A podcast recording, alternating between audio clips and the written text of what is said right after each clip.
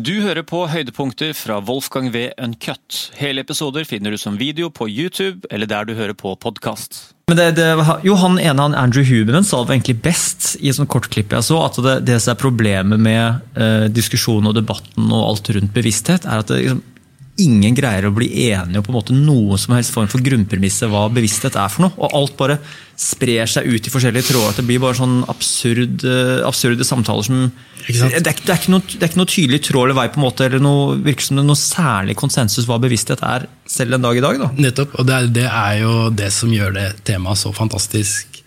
At selv nå så har vi ikke en fungerende modell eller forståelse for hva bevissthet er. Uh, det skal vi løse i dag. Det skal vi løse i dag. Enkelt og greit. Men hva, hva, hva, legger du i bevissthet, da? Mm, altså, det er gøy å bare kjenne litt på det. Da. Du kan forklare ganske mye her i virkeligheten. Når du ser rundt oss, så ser vi alle mulige former og farger. Men prøv å forklare meg hva, hva er bevissthet, eller hvordan føles bevissthet. Mm. Det, det, er jo vårt subjektive perspektiv. og vi, jo, vi har ikke noe bevis engang for at det fins en verden utenom det subjektive perspektivet. Mm. Uh, samtidig så er det også en antakelse, bare en sånn generell antakelse i samfunnet og, i etablert vitenskap. Da. Av og til en uttalt antakelse også, at, at bevissthet um, er et sekundært fenomen, et epifenomen av prosesser i hjernen. Mm. Det er det som kalles for et nevrokomputasjonelt paradigme at det er komputasjoner i, i nevronskyen, eller den elektromagnetiske skyen av nevroner i hjernen, som mm. leder til bevissthet, uten at vi kan si noe konkret. Mm. Ingen nevrologer som har funnet noe spesielt hjerneområde eller spesiell um, mekanisme bak uh, bevissthet. Da. Det rasjonelle meg sier at det er liksom det er elektrisitet i hjernen som bare kobler seg sammen og lager sånn, måte, bilder som både sendes eh, til nett, altså hva vi henter inn informasjon, dekoder det, og hvordan det fungerer liksom, med minnene våre, hvordan de hentes opp og sammenlignes. Og det at vi også greier å, å, å, å kalkulere inn andres opplevelser som er ganske like våre egne. Jeg tror det gir oss en trygghet av at for Hvis jeg ser at den der eh, burgunderrød, og flere bare sånn ja, den er burgunderrød. Så sånn, da jeg, kan jeg liksom på en måte forankre det som en, en sannhet. Jeg tror på en mm. måte hjernen kan slappe av, liksom, for da vet jeg, vet jeg, at alle andre er enige om at det er det. Så det er på en måte sånn kollektiv bevissthet som også gjør at vi eh, stoler mer på det vi ser, da kanskje. Ja, at vi, har i hvert fall, vi, vi, opplever jo at vi er i en felles virkelighet, mm. helt, helt, klart. Um, og så er det jo Men det, vi har jo um, bevissthet er med oss fra vi er født til vi dør. Før du er født, også, sannsynligvis. Og, og, noen barn blir født med um, veldig lite nevroner. Noen, noen, noen som har sånn um, vannhode, eller jeg husker ikke hva betegnelsen er, men, men den sykdommen hvor du har ekstremt lite gråmaterie da, i hjernen når du blir født. Og de er også like bevisste. Mm. Det er et, altså, et, et, sånn typisk mysterium. Da, hvorfor uh, er, er veldig sånn uforanderlig i forhold til liksom, um, ja, hvor utviklet hjernen din er. da. Mm. Du har fremdeles en grunnbevissthet. liksom. Er man enig når bevissthet starter? Fordi altså, Man er jo ni måneder inni ja. denne magen. her. Da, Nei, det, er, det, er, ikke noe sånn konsensus på akkurat når man blir bevisst. og som du sier selv, Det er jo en vag definisjon på det, så, vi, ja. så det, er, det er en, en u eller vanskelig å stadfeste empirisk. Vi, vi, vi, sier jo ofte at altså, Fødselen er veldig sånn definitiv for oss, for liksom, da starter livet. Men det mm. er jo egentlig helt feil. For, altså, det, det, eneste som skjer, er at vi bare beveger oss fra en mage til utsiden. Mm, mm. Eh, og forandrer liksom, en sånn pustemekanisme akkurat på veien der. Men det er jo ikke noe det, det, er jo bare en, en forflytning fra et eh, skal vi si, vakuumområde til på en måte ut i ren oksygen. Og så er man jo fortsatt den samme av kjøtt og blod som man var inni magen? Ja, og det er også, jeg syns det henger litt sammen med bevissthetsdiskusjonen. Fordi det er klart, du har det politiske aspektet, hvordan vi skal liksom definere som et, et, et, liv man kan ta vare på eller abortere eller ikke. alt det der. Mm, mm. Men åpenbart, så selvfølgelig, vi er jo, er fra, fra, første celle så er det jo liv. Mm. Eh, men også hvordan har det seg at liv oppsto i utgangspunktet, og kan eh, den, den, distinksjonen vi har mellom døde prosesser eller mineraler og liksom død materie, mm. til de i ursuppen for fire milliarder år siden begynte å, å um, dele seg opp og lage cellevegger og, og liksom bli det vi kjenner som biologisk liv. Da, vi har en sånn distinksjon om at det er død materie, materie, og det er levende materie, og de to er liksom shall not meet. Mm. men, eh, men, det er ikke sikkert naturen har den distinksjonen. Nei, Sannsynligvis er det jo sikkert mange shades da, Ja. mm. off grey der. Ja. Si. ja. Så Man kaller dette her for the hard problem of consciousness. Eh, det er liksom det, det problemet med å finne en nevral korrelasjon med bevissthet. Altså Er bevissthet forankret i fysiske prosesser, eller kanskje er bevissthet et grunnleggende aspekt av uh, universet, da, eller en grunnleggende fenomen i naturen. Så, så kan, kan, vi da enkelt forklare det som på en måte, Er det noe, som foregår inni hodet vårt eller utenfor hodet vårt? Ja, eller en kombinasjon? Kanskje, eller kanskje begrepet inni og utenfor er, er, en illusjon som oppstår av vårt sanseapparat og, og hjerne. Vi, vi, føler liksom at vi sitter her mellom uh, tinningen, men, uh, men um, kanskje hjernen er mer som en eh, radiomottaker da, som plukker opp bevissthet eh, fra et bakenforliggende eller underforliggende felt. Mm. det kommer også liksom, litt, koker også litt ned til vår forståelse og modeller av universet sånn som det er i dag. Så, så har vi um, Einsteins relativitetsteori som beskriver eller beskriver romtiden. Mm. Som, hvor um, hvor all materie oppstår i, og så har du kvantemekanikk som beskriver liksom alle subatomære partikler. og sånne ting. Det er to veldig velfungerende modeller, men de, de snakker ikke sammen. Hmm. Så Du har én modell for liksom det makroskopiske universet. Planetbaner, galakser, sorte hull. den slags. Og så har du en modell for subatomære partikler og partikkelinteraksjoner. Hmm. Uh, er, og de er, de er veldig vellykkede på hvert sitt felt, men, men, de fungerer ikke sammen. Uh, og I midten mellom disse to størrelsene så finner du også på en måte biologisk liv. og Ingen av disse modellene her predikerer eller, eller har plass til biologisk liv, eller, eller, er en særlig god forklaringsmodell da, for biologisk liv. Mm. Um, vi har liksom en forståelse av at universet oppsto for 14 eh, milliarder år siden. og så hadde den gitt mengde energi, og så skjer liksom dette big bang, og alt eh, utvikler seg fram til nå. Mm. Og så skal det bare fortsette sånn til det blir for kaldt og alt dør ut. Og så er vi bare en del av den døde kjedereaksjonen. Da. Mm. Um, og vi blir født som vesener inni dette objektet, og vi ser på universet som en, en ansamling av objekter da, som er separat fra oss. Og mm. forestiller oss at, at, det er en objektiv virkelighet som ikke vi som vi interagerer med, da, på en måte. istedenfor at vi kanskje er den virkeligheten som opplever seg selv. da. Faen, nå går det helt uh, Tenk om jeg hadde tatt tiøl nå. Da hadde, jeg, da hadde jeg falt bakover her. Av, uh, ja. av, det er mange spørsmål som kommer inn samtidig. Og liksom der, uh, er det ikke sånn der, det, er, det, altså, er, det, mye av mystikken også det underlige med biologisk liv? Også bare sånn der, vi mennesker elsker jo dessverre å stille altfor mange spørsmål som hvorfor. ikke sant? Hvorfor er det ikke bare masse planeter, lava, stein og, ja. måte, men så Hva gjør alt den biologien oppi det hele? Ja, den, altså, den, biologien er litt sånn, For det første så er den sykt kompleks. og I, i, i fysikken i dag så har vi, vi har, eh, termodynamikkens andre lov, som sier at eh, ting beveger seg mot stadig større uorden. Altså, universet startet med en veldig eh, lav entropi. Mm. Eh, si? Nei, altså det vil si at Den hadde et høyt potensial for kompleksitet. Da. Det er mange forskjellige eh, tilstander. Eh, det startet som en veldig varm eh, suppe av liksom, partikler. Mm. Og så er det, har, La oss se, se, det som at det har en veldig høyt potensial for ulike måter å organisere seg på. Mm.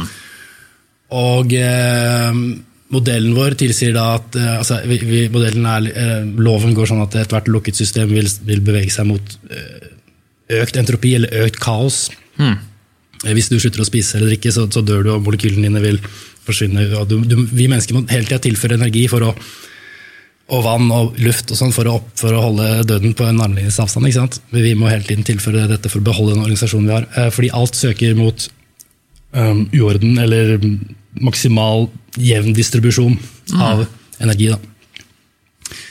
Så ideen er da at eh, universet starter med en gitt sett med energi, og, og den energien vil etter hvert bli brutt ned helt til sin mest elementære form, og da ikke kunne lage mer kompleksitet. da. Hmm. Og dø, kan du si. det, eller altså Den kuldedøden, da, som man kaller det for universet. Um, poenget mitt var bare at det er en slags mekanisk måte å forstå uh, universet på. og det er ikke noen grunn egentlig til at liv skulle ta form i et sånt univers. Eh, for liv beveger seg i motsatt retning. Vi beveger oss ikke mot kaos, vi beveger oss mot orden. Eh, hele eh, fra, fra vi starta som encellede organismer, så har vi beveget oss mot stadig økt kompleksitet. Og det er ikke noe, noe i darwinismen eller, eller evolusjonsteori eller skyld som tilsier at det er noen, noen vits at vi skal bli så veldig komplekse. Det er ikke sikkert det gir oss større overlevelsesevne enn en bakterie. Uh, så, så den passer ikke helt inn i den modellen, da. Uh, ja, kan man si. Men hva, hva, det, hva legger man i, i biologi? Uh, hvor går krysnings... Altså for eksempel uh, Er det alt, alt naturen redskaper? Altså altså, trær, vegetasjon, men ikke stein, ikke fjell? Ja, definisjonen er, Jeg vet ikke hva definisjonen er, men, men på et tidspunkt så ble jo um, disse noen aminosyrer, altså, eller type molekyler, primitive molekyler, som på et tidspunkt begynte å replikere seg selv. Og så etter hvert så fikk de en cellevegg. Altså, man vet jo ikke helt den originale impulsen til hvorfor naturen plutselig bestemte seg for å gjøre det. Eh, liksom man har liksom gjetta på at det hadde vært noen lynnedslag i noe ursuppe, og så starta noen organiske molekyler og på en måte ja, samarbeidet, da. Har, har du reflektert over Det er litt underlig at vi, vi har et ord for eh, som, som heter naturen. Og vi, det er sånn, på en måte, det er aldri stilt spørsmålstegn liksom, når jeg var barn eller ungdom. på en måte, Hvem er det som fant ut at alt dette her er en sånn fellesnevne som heter naturen? Det, og når vi sier da naturen, så er det da nesten sånn at vi lager en slags bevissthet rundt at naturen er noe som styrer seg selv, et system som på en måte hvor det skal vi si er en autonomt system med eller uten bevissthet. så er det sånn at det, Vi har bare funnet en fellesnevner for at det, det, det der ute er naturen, og dette her er mennesker, og vi er en del av naturen, og dette her er ikke en del av naturen, osv. Så, videre. så det er jo Det er et veldig godt poeng, og det er derfor jeg liker Jordan Peterson og hans mytologiske konsepter og sånn så godt. fordi altså det, greit, Vi har en vitenskapelig metode, og vi, med den metoden kan vi lage funksjonelle kart som stemmer, som stemmer i mer eller mindre grad overens med terrenget. Men det kartet vil aldri bli terrenget. liksom. Eh, Så, så den kartet som vi tror på og navigerer eh, gjennom og forstår oss selv gjennom, det vil alltid være en form for mytologi.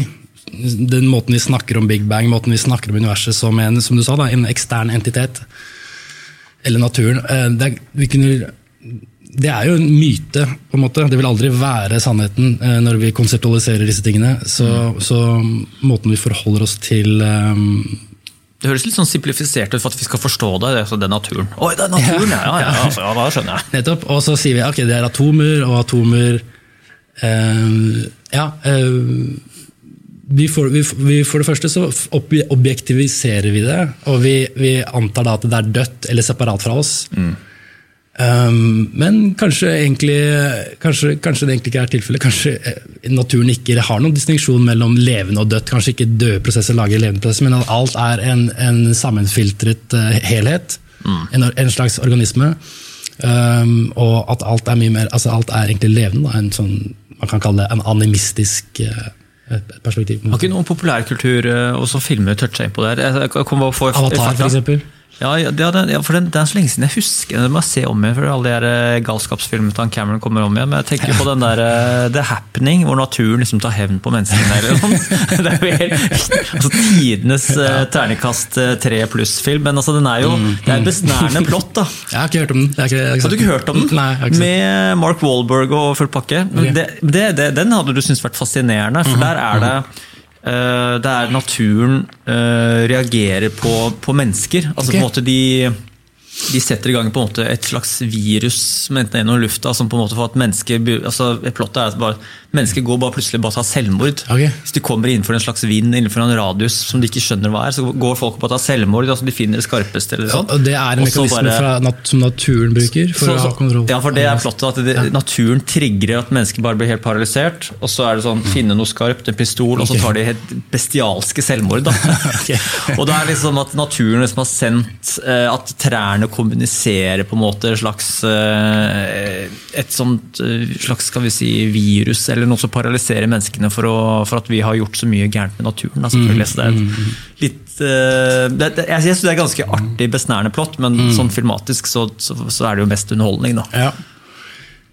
Um, du kan tenke deg, så, så Vi vet jo at det er, det er en del grunnleggende prinsipper i naturen. Og i religioner på jordkloden så, så er veldig mange av de prinsippene de står veldig sentralt i eh, disse religionene. og også i mytologier fra, fra oldtidssivilisasjoner så omtaler de selvfølgelig de, de, høres veldig primitivt ut når vi ser på det med våre øyne, men, men eh, når, når du personifiserer universet eller polariteten i universet som liksom Shiva og Shakti eller eh, liksom Nut eller alle, disse mytologiske figurene som er i, i oldtidstradisjoner, så, så har de en mening. da. Eh, og de, de har en funksjon som ikke hadde fungert så veldig bra hvis du skal sende en rakett til månen, selvfølgelig. men det fungerer kanskje bra spirituelt sett, da, eh, eller som en måte å forholde seg til naturkreftene på, eller som gir mening til eh, vår tilhørighet til naturen. og sånn da. Eh, sånn, tilbake til språkets makt, eh, mm, som vi snakket om. Eh, ja. Men så tilbake til bevissthet, da. eh, til oss. Altså, hva, hva, dette her, er, er dette her noe som eh, egentlig er ganske sånn nytt og ferskt, som det har begynt å forskes mer og mer på, eller er det et sånt spørsmål som har vært der liksom hele liksom, i skal vi si, er- 1800-1900-tallet Ikke sant? Altså, det spørsmålet har jo vært der. Du har jo eh, liksom filosofer som William Blake eh, på liksom 1500-tallet, kristen filosof, som, og, og andre mystiske tradisjoner innenfor religioner ofte, som har snakket mye om sjelen og, og selvfølgelig eh, menneskets natur. Men i vitenskapelige termer, i moderne vitenskap, så har det jo egentlig vært et litt eh, nesten tabubelagt tema. Du, Ja, ja. du snakker ikke om på 90-tallet Eh, 80-tallet, altså du, du, du, Det var ikke mye prat om bevissthet da. Da, da, da var det den, Bevissthet er noe som hjernen produserer, og det er ikke så veldig viktig. Eh, La oss gjøre fysikk eh, og finne ut av ting. Ja, ja, ja. Ja for det, det kan jo fort, eh, sånn som med, med mye vitenskap og forskning, at på en måte, hvis du først dypper tåa ut i det der, så kommer det bare enda mer spørsmål som kompliserer Ja. mange andre sannheter. da. Det kom litt inn i søkebildet med kvantefysikk, hvor man, hvor man eh, er eh, Og for så vidt realitetsteori, hvor, hvor det du er avhengig av en observatør um, for å gjøre en mening av noe som helst. ikke sant? Uh, og uh, Du har spesielt et veldig kjent uh, eksperiment som heter double slit-eksperimentet. Vet ikke om du har hørt om det? Nei. I kvantefysikk. Um, jeg gidder ikke å gå gjennom detalj, detaljert, folk kan sjekke det ut. folk har sikkert hørt om Det også. Um, det, er, det bare er en, et eksperiment som kan tolkes som om at observatøren har en avgjørende effekt på om en partikkel er en bølge eller en partikkel. Da. Altså, du har um, eh, part, eh, en, en lyspartikkel eksempel, kan eksistere både som en bølge eller som en partikkel samtidig. Eh, det er det som kalles superposisjon. Og eh, dette eksperimentet viste at når man gjorde en måling, så, så gikk kollapset denne, bøl denne bølgefronten av, av muligheter, en matematisk bølge av muligheter, kollapset til én aktualitet, altså én eh, partikkel. Så, så det, det var en tolkning av det eksperimentet som antydet at, at observatøren eller menneskets bevissthet hadde liksom den kraften, at den på en måte manifesterte denne skyen av muligheter til en, eh, aktu en aktuell Er du, er du inne på sånn tankeoverføring og den type biten der nå, eller misforstår, misforstår jeg da? Egentlig så er det her, den, den tolkningen handler om, en, om bevissthetens forhold til virkeligheten. At eh, man må ha en bevissthet for å eh, bestemme en kvanteposisjon, eller, eller eh, ja. Ehm, ja, liksom at det, eh, Tatt i sitt mest ekstreme, at månen ikke eksisterer når du ikke ser på den. på. At du er nødt til å ha en observatør for at noe skal eksistere. Tilbake til det som vi sa helt innledningsvis. Da er det liksom noen smarte huer som begynner å nærme seg et slags konsensus, eller som faktisk snakker på, med en viss form for enighet rundt hva bevissthet kan være, og hva, øh, hva som er en Hva er de liksom mest gyldige forklaringene nå? kjempedyktige vitenskapsmenn. Du har liksom, eh, som heter Donald Hoffman, um, og du har jo mange innenfor AI, og, og det er mange forskere som diskuterer alle disse mulighetene nå. Og det er mye større åpenhet nå uh, for å snakke om alle disse rare teoriene også, altså de mer eh, spirituelle teoriene. Um, så absolutt, det, det landskapet har endra seg veldig de siste ti årene, er mitt inntrykk. da. Uh, og um, har, det er en, en uh, anestesiolog som heter Stuart Hammeroff, som, um, som jobber med som, som også har skrevet en del teorier sammen med en som heter Roger Penrose, som også er en veldig kjent fysiker, om mikrostrukturer i hjernen eh, som kanskje kan være ansvarlig for å plukke opp bevissthet fra kvantefelt. Da, eller, altså at det, det er noe som heter mikrotubuler i hjernen. Så, så inni nevronene er det sånn bitte små eh, tunneler som, eh, som kan kanskje resonnere i takt med underliggende kvantefelt. Så, så det er absolutt øh, mange, mye, flere, mye mer diskusjon om det, og mange interessante teorier om det. Så, så det forskes på. Absolutt. Hvem er det som forsker, da? Er det altså alt fra For nå er det jo veldig mange som på en måte eh, Nå er ja, mange store aktører med mye penger, og før var de der kanskje mye mer begrensa på hvem som fikk forske for, på hva, og hvem som hadde interesse, og, og pengesekkene var færre og mindre, men nå er det jo liksom nå vil jo folk, eh, skal vi si, de store, sånn Google, eh, Musk altså Ja. Alle de her vil jo være først ute liksom, på en måte å finne ut noen nybrotts... Mm, ja, så, så jeg, jeg, det foregår mye. Jeg har ikke oversikt over hvem som gjør hva, men, men det foregår mye, og selvfølgelig også innenfor eh, forskning på AI og artificial intelligence. Og Der kan vi også komme til å lære veldig mye om hva intelligens er, hva bevissthet er. Er det nok å bare pøse på med, med qubits og data? Eh, Kan du bare ha en maskin og så bare du, du, du får den til å komputere nok, så blir det plutselig bevissthet der? Det virker ulogisk for meg. Eh, Jeg tror ikke det er mulig. Eh, Jeg tror ikke vi kommer til å kunne lage AI uten eh, noen sånn fysiologiske komponenter som liksom eh, ja, kommuniserer med naturen. Da. Jeg plukker opp, gjør det samme som hjernen gjør. Da. Plukker opp eh, kvanteinformasjon. Sam Harris tror jeg var en av de samtalene jeg hørte på i sted, at hvis vi liksom greier å skape bevissthet eh, i, kunstig intelligens eller roboter, og sånt, så vil jo de også som, som åpenbart kommer til å bli smartere enn oss, de kommer til å manipulere oss til å si at hvis du skrur meg av nå, så, tar du, så dreper du meg. Så tar du livet av meg. Ja? Så vi har jo et sånt moralsk, eh, emosjonelt aspekt som jo også liksom kompliserer alt enda mer. Da. At at det, hvis vi greier å skape bevissthet, og hvis vi da skrur av knappen på bevissthet, så da tar vi jo livet av Hvis det er vår definisjon på så hvis det ikke er noe bevissthet, så er du dødt. Mm, mm, ja, vi, vi er lettlurte sånn sett. Bare du har en, en maske som ligner litt på oss, og som kan bevege seg litt, så begynner vi å få sympati og trykke på alle de riktige punktene i oss. Så. Tenk når robotene får sin MDG eller eh, sitt, eh, sitt veldig tydelige parti, da, som, som beskytter liksom interessene til eh, kunstig intelligens og sånn. Så sånn, Ikke skru av roboter, det er å drepe bevissthet og sånn. Så, veldig langt fram der. Ja. Um, ja, det hadde vært artig. Men så um, Sam Harris er jo for så vidt veldig um, Han er jo veldig i fronten på dette her, og ekstremt flink til å formulere ideer. Og, og veldig åpen for um, ja, mange forskjellige innfallsvinkler. Det er jo et tema som er ekstremt vanskelig for vår vitenskapelige metodologi å berøre. fordi det er ikke noe vi kan måle eller eh, ta på.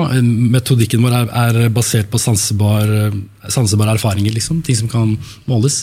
Og bevissthet er ja, grunnleggende, men abstrakt. på en måte. Det er fryktelig vanskelig å falsifisere ting og, og gjøre forsøk eh, som du kan replikere, mener jeg. Og så, ja, det, det, det, er eh, Men ja, det, men det er jo også en sånn fare for at det er et, et fort et område hvor det ikke er noe håndfast, at det fort kan bli mye svada òg. Det er Ja, mange som på en måte, sånn liksom kvasieksperter eh, Det er ikke så lett å skille mellom, skille mellom hvem som på en måte er Ja. eh, veldig forhåpentligvis agnostisk og veldig åpen og prøver å finne ut mest mulig til de som kanskje man skal passe seg litt for, som er veldig bastante og, Mm. og allerede har funnet løsningen. Er veldig harde på at dette må være dette. Mm. eh, som da gjerne gjør en karriere innenfor det her, fordi mens det ennå er litt lite håndfast. Da. Absolutt. Det, det er jo mye, mye av det innenfor alle disse feltene. Eh, så det er det som er Én ting er at eh, gjennom det subjektive eksperimenter og meditasjon og mm, andre metodikker, så kan man finne ut mye. Eh, Men det å på en måte lage en modell, en, en vitenskapelig modell som andre kan angripe og som man kan liksom mm. teste ut, det er jo utfordringen. Og jeg, jeg tror jo at det altså, Du kan si Eh, Newton hadde liksom sin fysikkmodell på 1600-tallet eller 1500-tallet. Uh, og Den var veldig vellykket og elegant i sin tid. Og fysikere, fysikere på den tiden tenkte at uh, nå er vi liksom ferdig, det er ikke noe mer å finne på her. Vi har funnet ut svaret, liksom, og, og det her er sånn universet fungerer. Nå, nå er det bare å legge opp og finne på andre ting å gjøre. Eh, og så kom da etter hvert Einstein med romtiden, og det er jo en, en altså den, den falsifiserte jo ikke Newton sin modell, men, men rom, modell, Einsteins modell om romtid eh, og romtidens fleksibilitet og gravitasjon og alt det der, den transcenderer jo Newton sin modell og inkorporerer den modellen, men med en dypere forståelse. Ikke sant? Eh, Det, Newtons alle hans sine bevegelseslover gjelder fremdeles, men med Einsteins sin teori så ser vi mye mer. Forstår å ja, det her er bare en liten del av et, en, en enda større og dypere mekanisme som er bedre og mer presis. Vi kan sende folk til månen med, med Newtons uh, ligninger, men jeg tror ikke vi kunne sendt folk til Mars. på en måte. Den har sine begrensninger. Eh, og vi kommer nok til å finne noe som transcenderer spacetime, uh, eller Einsteins romtid etter hvert. Noe enda mer fundamentalt. Noe som er hinsides tid og rom, eller noe som beskriver universet. Hinsides, altså et dypere prinsipp, da, som, hvor tid og rom er frem, et fremtredende fenomen. Og fysikkens lover kanskje er et fremtredende fenomen. Um, som eh, ja, vil jo kanskje være forankret i et eller annet matematisk prinsipp eller i, i en forståelse av universet som informasjon. Uh, noe sånt. Ehm, og, og det vil jo da sannsynligvis være en, en teori som, er, som forener kvantefysikk og, rom, og uh, realitetsteori uh, i én forståelse. Og forhåpentligvis da bør jo den kunne forklare bevissthet og liv og alt sammen. da.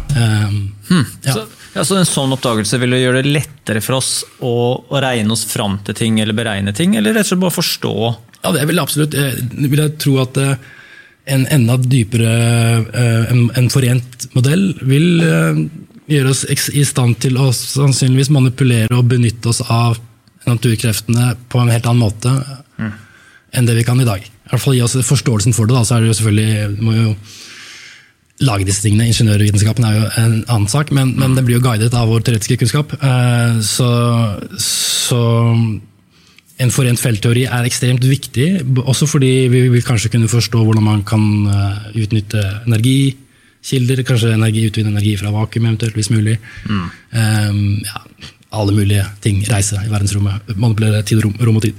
Men hva var det hva, du, hva har du observert og absorbert av de mest sånn interessante forskningsprosjekter, studier, eksperimenter som for deg bare sånn der, Fy faen, dette her, her er det inne på noe som på en måte er eh, Jeg er jo eh, veldig forelsket i en teori som jeg syns er filosofisk elegant. Jeg er ikke noen fysiker, eh, så jeg har mine begrensninger, men, men jeg, har, jeg har en stor tro på vår eh, liksom, rasjonelle kraft og intuisjon. Og jeg mener at en, eh, jeg vil tro at en endelig teori er, eller i hvert fall en forent teori, da, jeg vil tro det vil alltid være mer å oppdage. Jeg tror ikke universet kan forklares nødvendigvis liksom, en sånn endelig modell. This is it. Men eh, jeg tror det er en teori, vi kan få en forent teori som kan forklare liksom, naturkreftene eh, samlet. Og, og det er en teori som, eh, som heter Fractal Holographic Universe, fraktal holografisk univers, som jeg, som jeg liker veldig godt. Um, så det, det er egentlig en beskrivelse av universet som sorte hull. Da. Eh, at, eh, at universet består av, av sorte hull på ulik skala. Men det, det er en ganske mm, lang forklaring å, å gå inn på det. Jeg gidder ikke å gå så veldig langt inn på det. Det er én teori, eh, det fins mange andre interessante teorier.